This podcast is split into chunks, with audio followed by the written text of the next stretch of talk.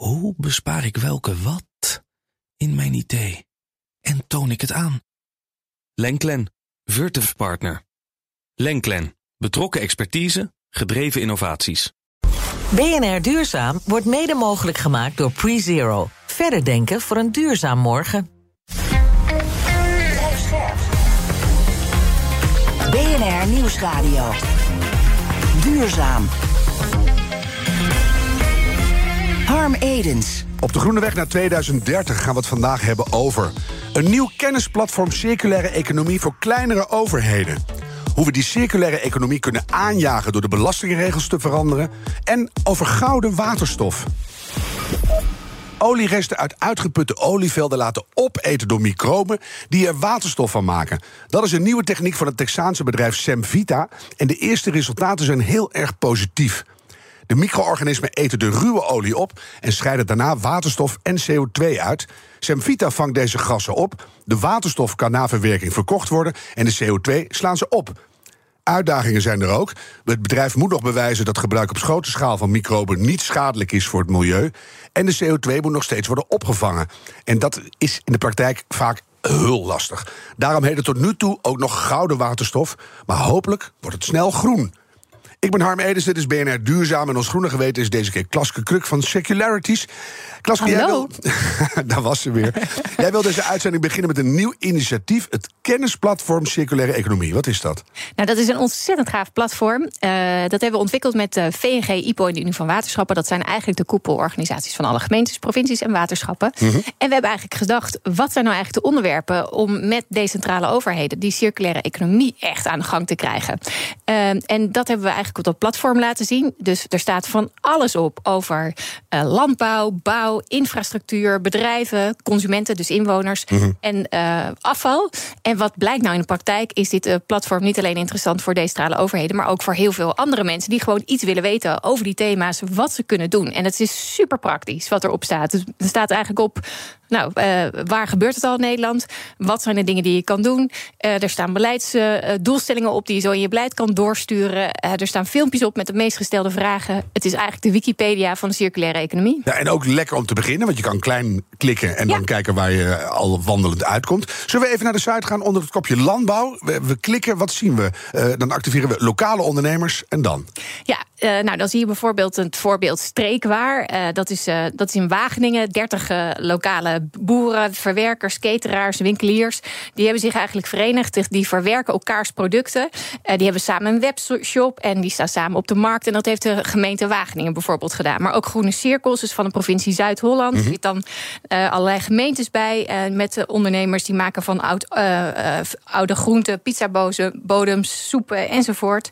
Maar ja, dus ook doelstellingen en interviews met bijvoorbeeld in dit geval Pieter Rijzenbol. Nou, die heeft, die heeft van de provincie Gelderland. En die heeft dan uh, allerlei korte ketenprojecten opgezet. Ja, Pieter heeft wel zijn naam mee in het kader van de circulaire economie, hè? Reizenbol. Ja, dan het reist en het is bol. Dus dan, ja, oh, mooi. wat associatief. Ja, um, even de naam van de website nog even. Want er staat zoveel op, daar kunnen we niet aan beginnen. Maar waar, waar gaan mensen ja, naartoe? Je moet naar de verschilmakers.nl en dan moet je op kennisnetwerk drukken. En dan ben je er. En dan ben je er. En dan, en dan raak je een prachtig kennisnetwerk. Mooi. Dankjewel, Klaske. Blijf erbij de hele uitzending. En op de punten dat jij denkt, ik voeg iets toe, dan doe je dat. Oeh. BNR Duurzaam.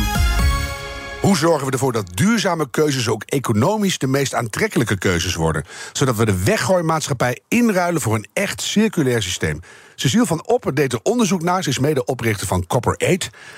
Cecile, welkom. Uh, jullie zijn een adviesbureau op het terrein van de circulaire economie. Het woord valt vaak. Hè? Uh, laten we het heel specifiek maken meteen. Jij bent op een verjaardag. Wat is dan een, een project waar jij dan met heel veel plezier over vertelt, met trots? Nou, uh, het project waar we het vandaag over gaan hebben is er één. Maar een tweede is wel dat uh, um, eigenlijk het project van de afgelopen tien jaar zou je kunnen zeggen. Dus het bureau zelf mm -hmm. is ook een project. Uh, want wat wij eigenlijk hebben geprobeerd te doen toen wij tien jaar geleden begonnen, is echt een bedrijf neer te zetten die 100% past binnen onze visie op. Uh, ja, duurzaamheid. En uh, wij geloven bijvoorbeeld niet uh, dat groei eindeloos door kan blijven gaan. Nee. Dus we hebben ook gezegd, we, blij, we blijven klein. We worden dus nooit... niet groeien in de oude zin van het woord, hè? Ja. Ja. Dus uh, we blijven klein. We worden nooit groter dan 15 adviseurs. En we proberen onszelf actief misbaar te maken. Onder andere door kennis te delen. Dus ik steun van harte wat Klaske ook heeft gedaan door kennis beschikbaar te maken. Mm. Ehm, maar proberen dus ook met de marge die we hebben, eigenlijk uh, de vragen te beantwoorden uh, die nooit gesteld worden. Zoals: hey, klopt ons economisch systeem nog wel? En uh, hoe kunnen we die op een constructieve manier ter discussie stellen? Want dat zijn logische uitvloeisels van het feit hoe jullie het bedrijf begonnen zijn ja. en hoe jullie kijken naar die groeimarkt. Ja, klopt. ja mooi. Ehm, als je vaststelt dat circulair bouwen iets is wat iedereen wil, en laten we het dus op bouwen gaan, gaan toespitsen vandaag. Dan willen we wel, maar het blijft eigenlijk bij een handjevol showcases. Want echt van de grond komt er niet. Dat is iets wat jij ook onderschrijft. Ja. Hoe, hoe komt dat? Nou, ik denk dat een van de redenen dus is uh, dat, dat ja, we zien dat circulair bouwen gewoon duurder is dan de conventionele manier van bouwen. Mm -hmm. um, en ja, stel ik ben een aannemer of een architect en ik moet zelf de rekening dragen voor dat duurdere project. Ga je het dan wel of niet doen? Ja, een handjevol gaat het wel doen omdat ze idealistisch zijn. Ja. Maar idealisme is niet schaalbaar. Dus op een gegeven moment uh, ja, kom je dan toch tegen de grenzen van ons economisch systeem aan. En moet er wel een prikkel gaan komen waardoor ja, de massa uh, ook circulair gaat bouwen. Want ik ben het ermee eens, we zijn al 15 jaar aan het experimenteren. Ja. Uh, ik, ik, ben een beetje ongeduldig. Ja, nou en terecht, want het, we raken ook een beetje door de beschikbare minuten heen. Ja. Um, als je dan kijkt naar dat circulaire bouwen, uh, eigenlijk voor elke buitenstaander kan je al waarnemen dat is arbeidsintensiever. Kan je uitleggen hoe dat komt? Ik kan het een beetje raden, maar er, zit vast, uh, er zitten vast meer aspecten aan. Ja, kijk, wat we natuurlijk het liefste willen is niet alleen gerecyclede materialen toepassen, want dat komt vaak wel uit een fabriek gerold, maar dat je eigenlijk uh, aanwezige producten, uh, bijvoorbeeld die uit een gesloopt pand komen, mm -hmm. dat je die opnieuw hergebruikt in een nieuw pand. En daar heb je arbeid voor nodig om uh, die materialen uit zo'n pand te halen zonder dat ze beschadigd worden. Ja, het is simpel een sloopkogel, ram weg, ja, in twee dagen gebouw je... weg. Wil je het helemaal demonteren? Ja, ben je even bezig. Ben je even bezig. Ja.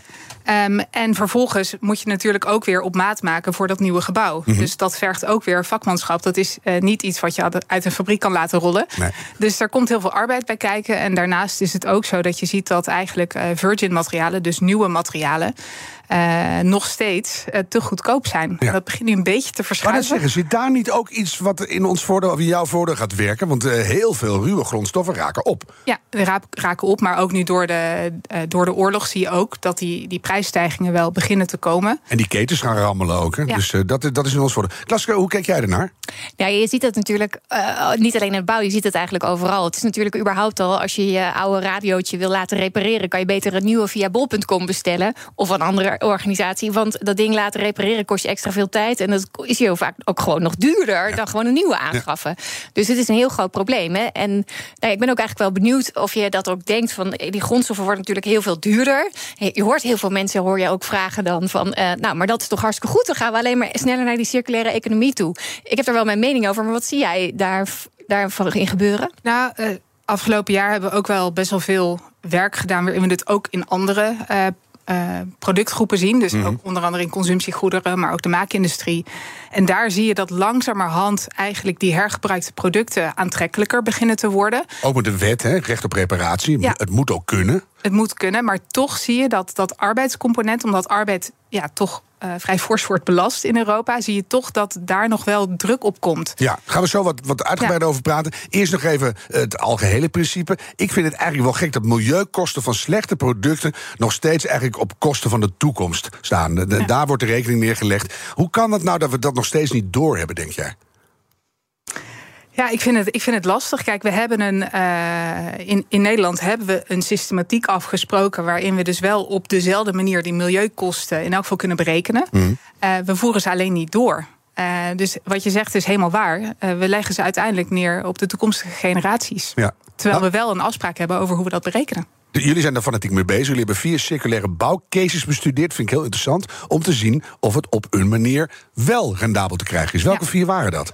We hebben gekeken naar uh, Blue City, dus het oude Tropicana-gebouw in Rotterdam.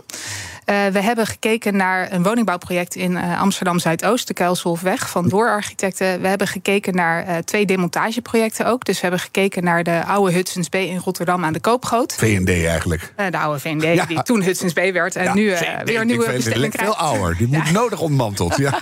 maar die is tot casco ontmanteld, mm -hmm. dus het, de constructie bleef staan. En tot slot de tijdelijke rechtbank hier in Amsterdam. Ja, en daar hebben jullie twee begrotingen op losgelaten. Eén ouderwetse lineaire en een circulaire variant. En wat kwam daaruit? Nou, we hebben dus inderdaad die circulaire variant, is eigenlijk de echte variant. Want het zijn alle vier circulaire cases. En samen met Arcades hebben we daar een lineaire variant tegenover gezet. Mhm. Wat we eigenlijk zagen, en dat was het eerste inzicht van hey, circulair bouwen is inderdaad duurder dan de conventionele manier. Dat, is, dat scheelt ongeveer 1 tot 7 procent. Behalve de tijdelijke rechtbank, die was 228 procent. Oh, dat is wel duurder. Ja, want even, Ja. leg dat zo even uit. Maar 1 tot 7 procent. Dan denk ik, jongens, dat is toch nog wel eh, Overkomelijk. overbrugbaar Ja. gat. Ja. Wij, wij vonden dat ook best een conventionele schatting. Hmm. En wat bleek toen we dus in gesprek gingen met de partijen die betrokken waren bij die cases, die, die beaamden dat. Die zeiden ja, maar wij hebben ook economische keuzes gemaakt. Dus we hebben bepaalde circulaire optimalisaties niet doorgevoerd omdat ze te duur waren. Ja. En dat is ook de reden dat we doen nu een tweede pilot. Dan brengen we ook nog een circulaire plus in kaart. Waarbij we dus Kijk. ook ja, eigenlijk een realistische eh, inschatting willen krijgen van die meerkosten. ja, en waarom was die rechtbank zo duur? Die rechtbank was zo duur omdat het eigenlijk, eh, dat was dus de demontage van de rechtbank. Het is eigenlijk een omgekeerd bouwproces. Dus eh, dat gebouw is helemaal neergezet om weer uit elkaar te halen. Ontzettend veel arbeid, want elk schroefje moest er uit elkaar. Maar hij is vervolgens ook weer opgezet in, eh, in Twente. En, eh, Ja, heb ik gezien. Maar, ja, maar, Heel mooi geworden. case. maar Cecile, wat doen we dan eigenlijk als. Want eh, arbeid wordt natuurlijk steeds schaarser. We hoorden het net nog in het nieuws. Ja. Ehm, en toch hebben we heel veel meer mensen nodig. Dat las ik ook in het rapport. Hè. Eh, eh, ongeveer tien mensen op vier projecten fulltime meer. Waar gaan we die vandaan halen? Ja, klopt. Kijk, het ligt eraan hoe je er naar kijkt. Eh, de EB, het EIB, het Economisch Instituut voor de Bouw, eh, die heeft ook becijferd dat we de aankomende drie jaar 60.000 mensen nodig hebben in de bouw. Ja. Maar dat is als we heel ja, eh, ja, krap kijken naar de definitie eh, mensen in de bouw. Want op het moment dat je kijkt naar het onbenutte arbeidspotentieel in Nederland, dan zijn er een miljoen mensen die of willen werken of meer willen werken. Ja. En daarbij is het ook zo dat het Misschien bijna- ook wel zinvoller werk willen doen. Ja. Precies. En hier draag je echt naar een betere wereld. Meer Ja. lol. Dat is Ja. een van de Ja. waarden die we ook elke keer. eh, ja, die, die hoort, niet hè? in een cijfer, maar iedereen heeft meer lol. Maar ook dat bijna een derde van de mensen in de bouw.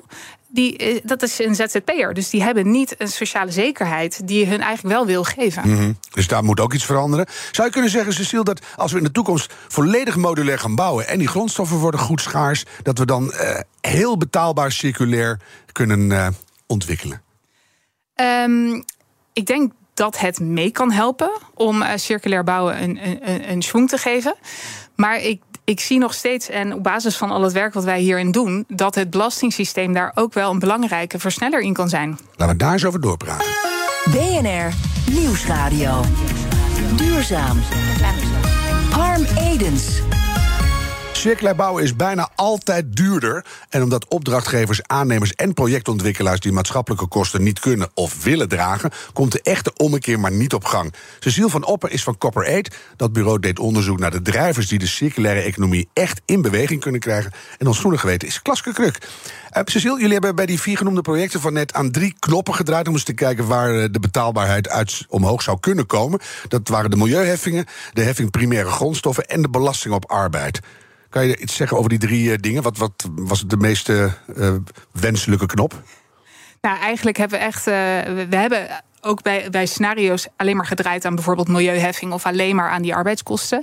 Wat we eigenlijk zagen is dat het scenario waarin eh, drie van de vier projecten dus eh, economisch aantrekkelijker werden in een circulair scenario, dat, eh, dat we dan aan alle drie de knoppen moesten draaien. Ja. Dus zowel eh, eigenlijk die milieuheffing doorvoeren, eh, ruim drie keer de huidige milieukosten moesten we dan doorvoeren. true pricing op de meest brede inzet van het woord. Ja. En dan ook echt de belasting op arbeid. Belasting op arbeid verlagen, maar ook nog een primaire materiaalheffing eigenlijk doorvoeren. Ja, maar dat zit voor mij eigenlijk ook in de true pricing. Hè? Ja. Want, eh, ja. Ja. En, en die. be- nou, eerst even Klaske, want je zit zo hard te knikken.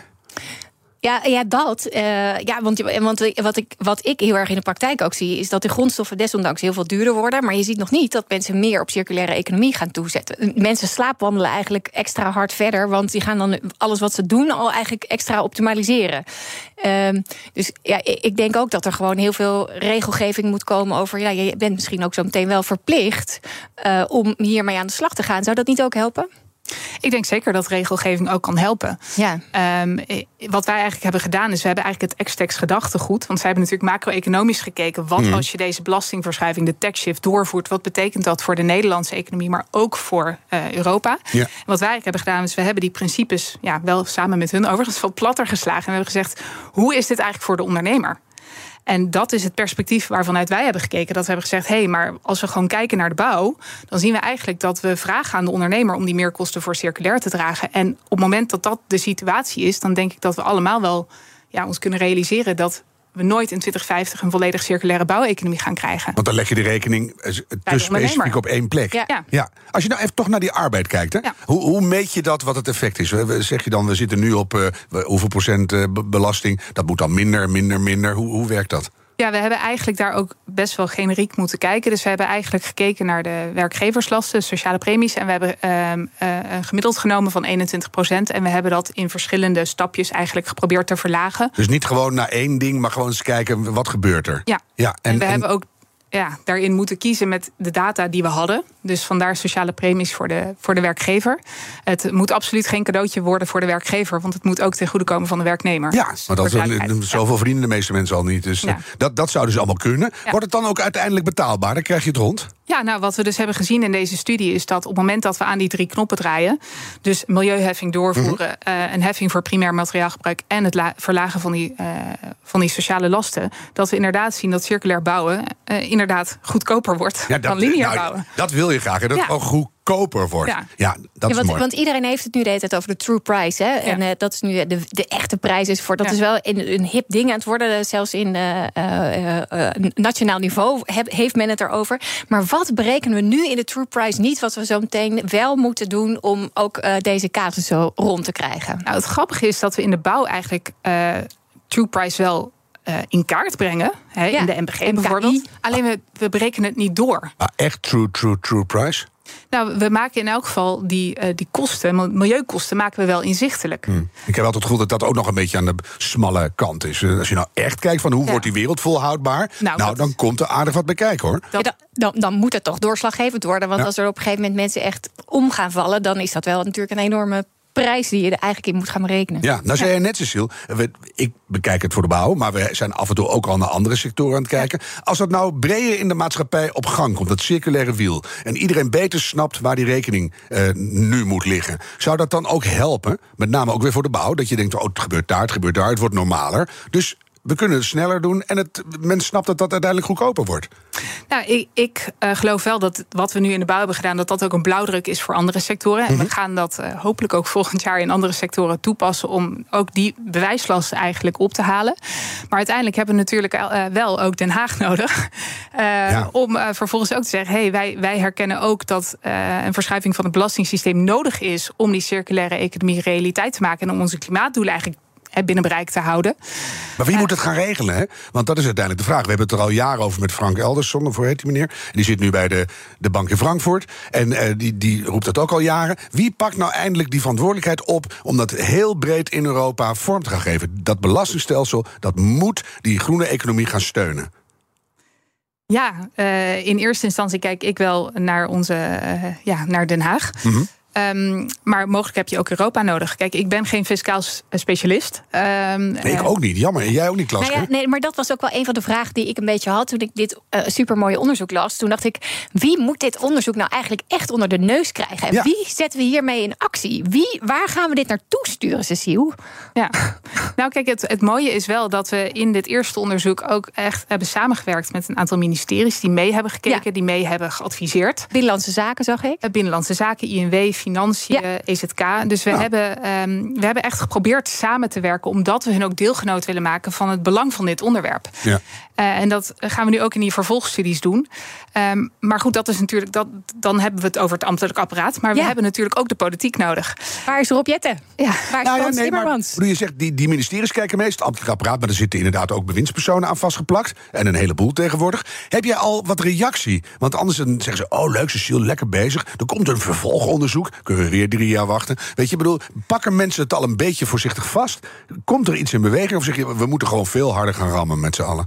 Ja, een combinatie van beide. Kijk, ik, ik ben een optimist en ik, ik, ik heb het gevoel dat er wel meer momentum is voor dit onderwerp. Um, ook omdat we gewoon he, best wel met ons neus op de feiten worden gedrukt van hoe, hoe heftig hè, nou. het klimaatprobleem uh, zich aan het manifesteren is. Ja. Uh, maar we moeten ook harder kloppen, met z'n allen. En dan kijk ik even naar Klaske, want jij begon deze uitzending met zo'n heel uh, circulair platform. Als je nou al die initiatieven op dat platform bij elkaar veegt en als daar een stem de samenleving eh, in uitkomt, uit inkomt. Zou dat niet werken? Nou ja, mooi dat je dat vraagt, want dat gaan we doen. Dus we gaan echt daadwerkelijk met de PBL uitrekenen wat dat betekent. En wat ook, als je dat opschaalt, niet alleen dat ene projectje toevallig in Wageningen, maar als je dat overal gaat doen, wat dat voor een effect zou kunnen hebben op Mhm. eh, CO2, maar ook op gro- grondstoffen, op onze gezondheid, op onze economie. Dus dat gaan we ook echt uitrekenen. Want we doen er nog relaxed over, hè, maar dat grondstoffenprobleem... dat wordt ons volgende Delta-project, toch? We, we, we lopen binnenkort gierend vast. Nou ja, je ziet nu al die grondstoffen echt extreem de- door het dak heen gaan. Hè. Dus eh, eh, ik heb in mijn presentaties ook altijd van die plaatjes. Nou, dan zie je in de bouw zie je de prijzen tenminste tot van 15 tot 50 procent oplopen over de afgelopen twee jaar. Hè? Ervan uitgaande dat het nog te, te, te kopen is. Precies. Ja. En, en dat zie je eigenlijk voor allerlei grondstofsoorten. Dus dat, dat gaat een heel erg groot probleem worden. Ja, Cecile, eh, onderzoek klaar, tweede komt eraan. Waar zou je het het hardste neer willen leggen? Wie moet er gaan reageren na deze uitzending? Kijk, mijn, ik zou het heel graag bij BZK willen neerleggen. Mhm. Ehm, ook omdat we het natuurlijk hebben over 900.000 woningen die we moeten bouwen. Precies. En op het moment dat we dat circulair kunnen doen. ehm, en we hebben hier eigenlijk al gezien dat we ongeveer 50% CO2-reductie kunnen realiseren. En je be- betrekt dat op 900.000 woningen. Zullen we gewoon zeggen, jacht. Hugo de Jonge? Ik Hugo wou de net Jonge. zeggen. Hugo, er komt een rapport naar je toe. Cecile van, O- van Oppen van Copper 8, dankjewel voor jouw komst naar de studio. Klaske, wat ga jij vanavond doorvertellen aan de Eh, avondtafel? ik ga eens even kijken of ik niet ergens het nummer van Hugo, Hugo de Jonge voor je kan regelen. Ja, dat hebben we het al wel ergens. En anders is er wel Dat een luisteraar. regelen. Ja, als iemand het nummer en, en of het e-mailadres van Hugo de Jonge thuis heeft, dan eh, kom maar deze kant op. En eh, welk verhaaltje vertel je door? Eh, ik, nou, ik vind het een hele mooie eh, dat het inderdaad dat je niet één ding nodig hebt. We zijn in de circulaire economie altijd heel erg geneigd, eh, überhaupt in de wereld, om één oplossing te verzinnen. Nee, je hebt dus de verschillende nodig. En ik vind deze drie knoppen heel duidelijk en mooi. Ja, ik ook. En dat je vanuit de bouw over al die sectoren heen gaat. En dat er dan vanuit die hele brede samenleving een stem komt van jongens, hè, we willen toch veranderen? Circulair, daar moeten we naartoe. Dankjewel, Klaske Kruk van Circularities. Dit was BNR Duurzaam, de groene weg naar 2030. Laten we die met z'n allen nemen en een doorlopen graag. De tijd van treuzelen is voorbij. BNR Duurzaam wordt mede mogelijk gemaakt door PreZero. Verder denken voor een duurzaam morgen.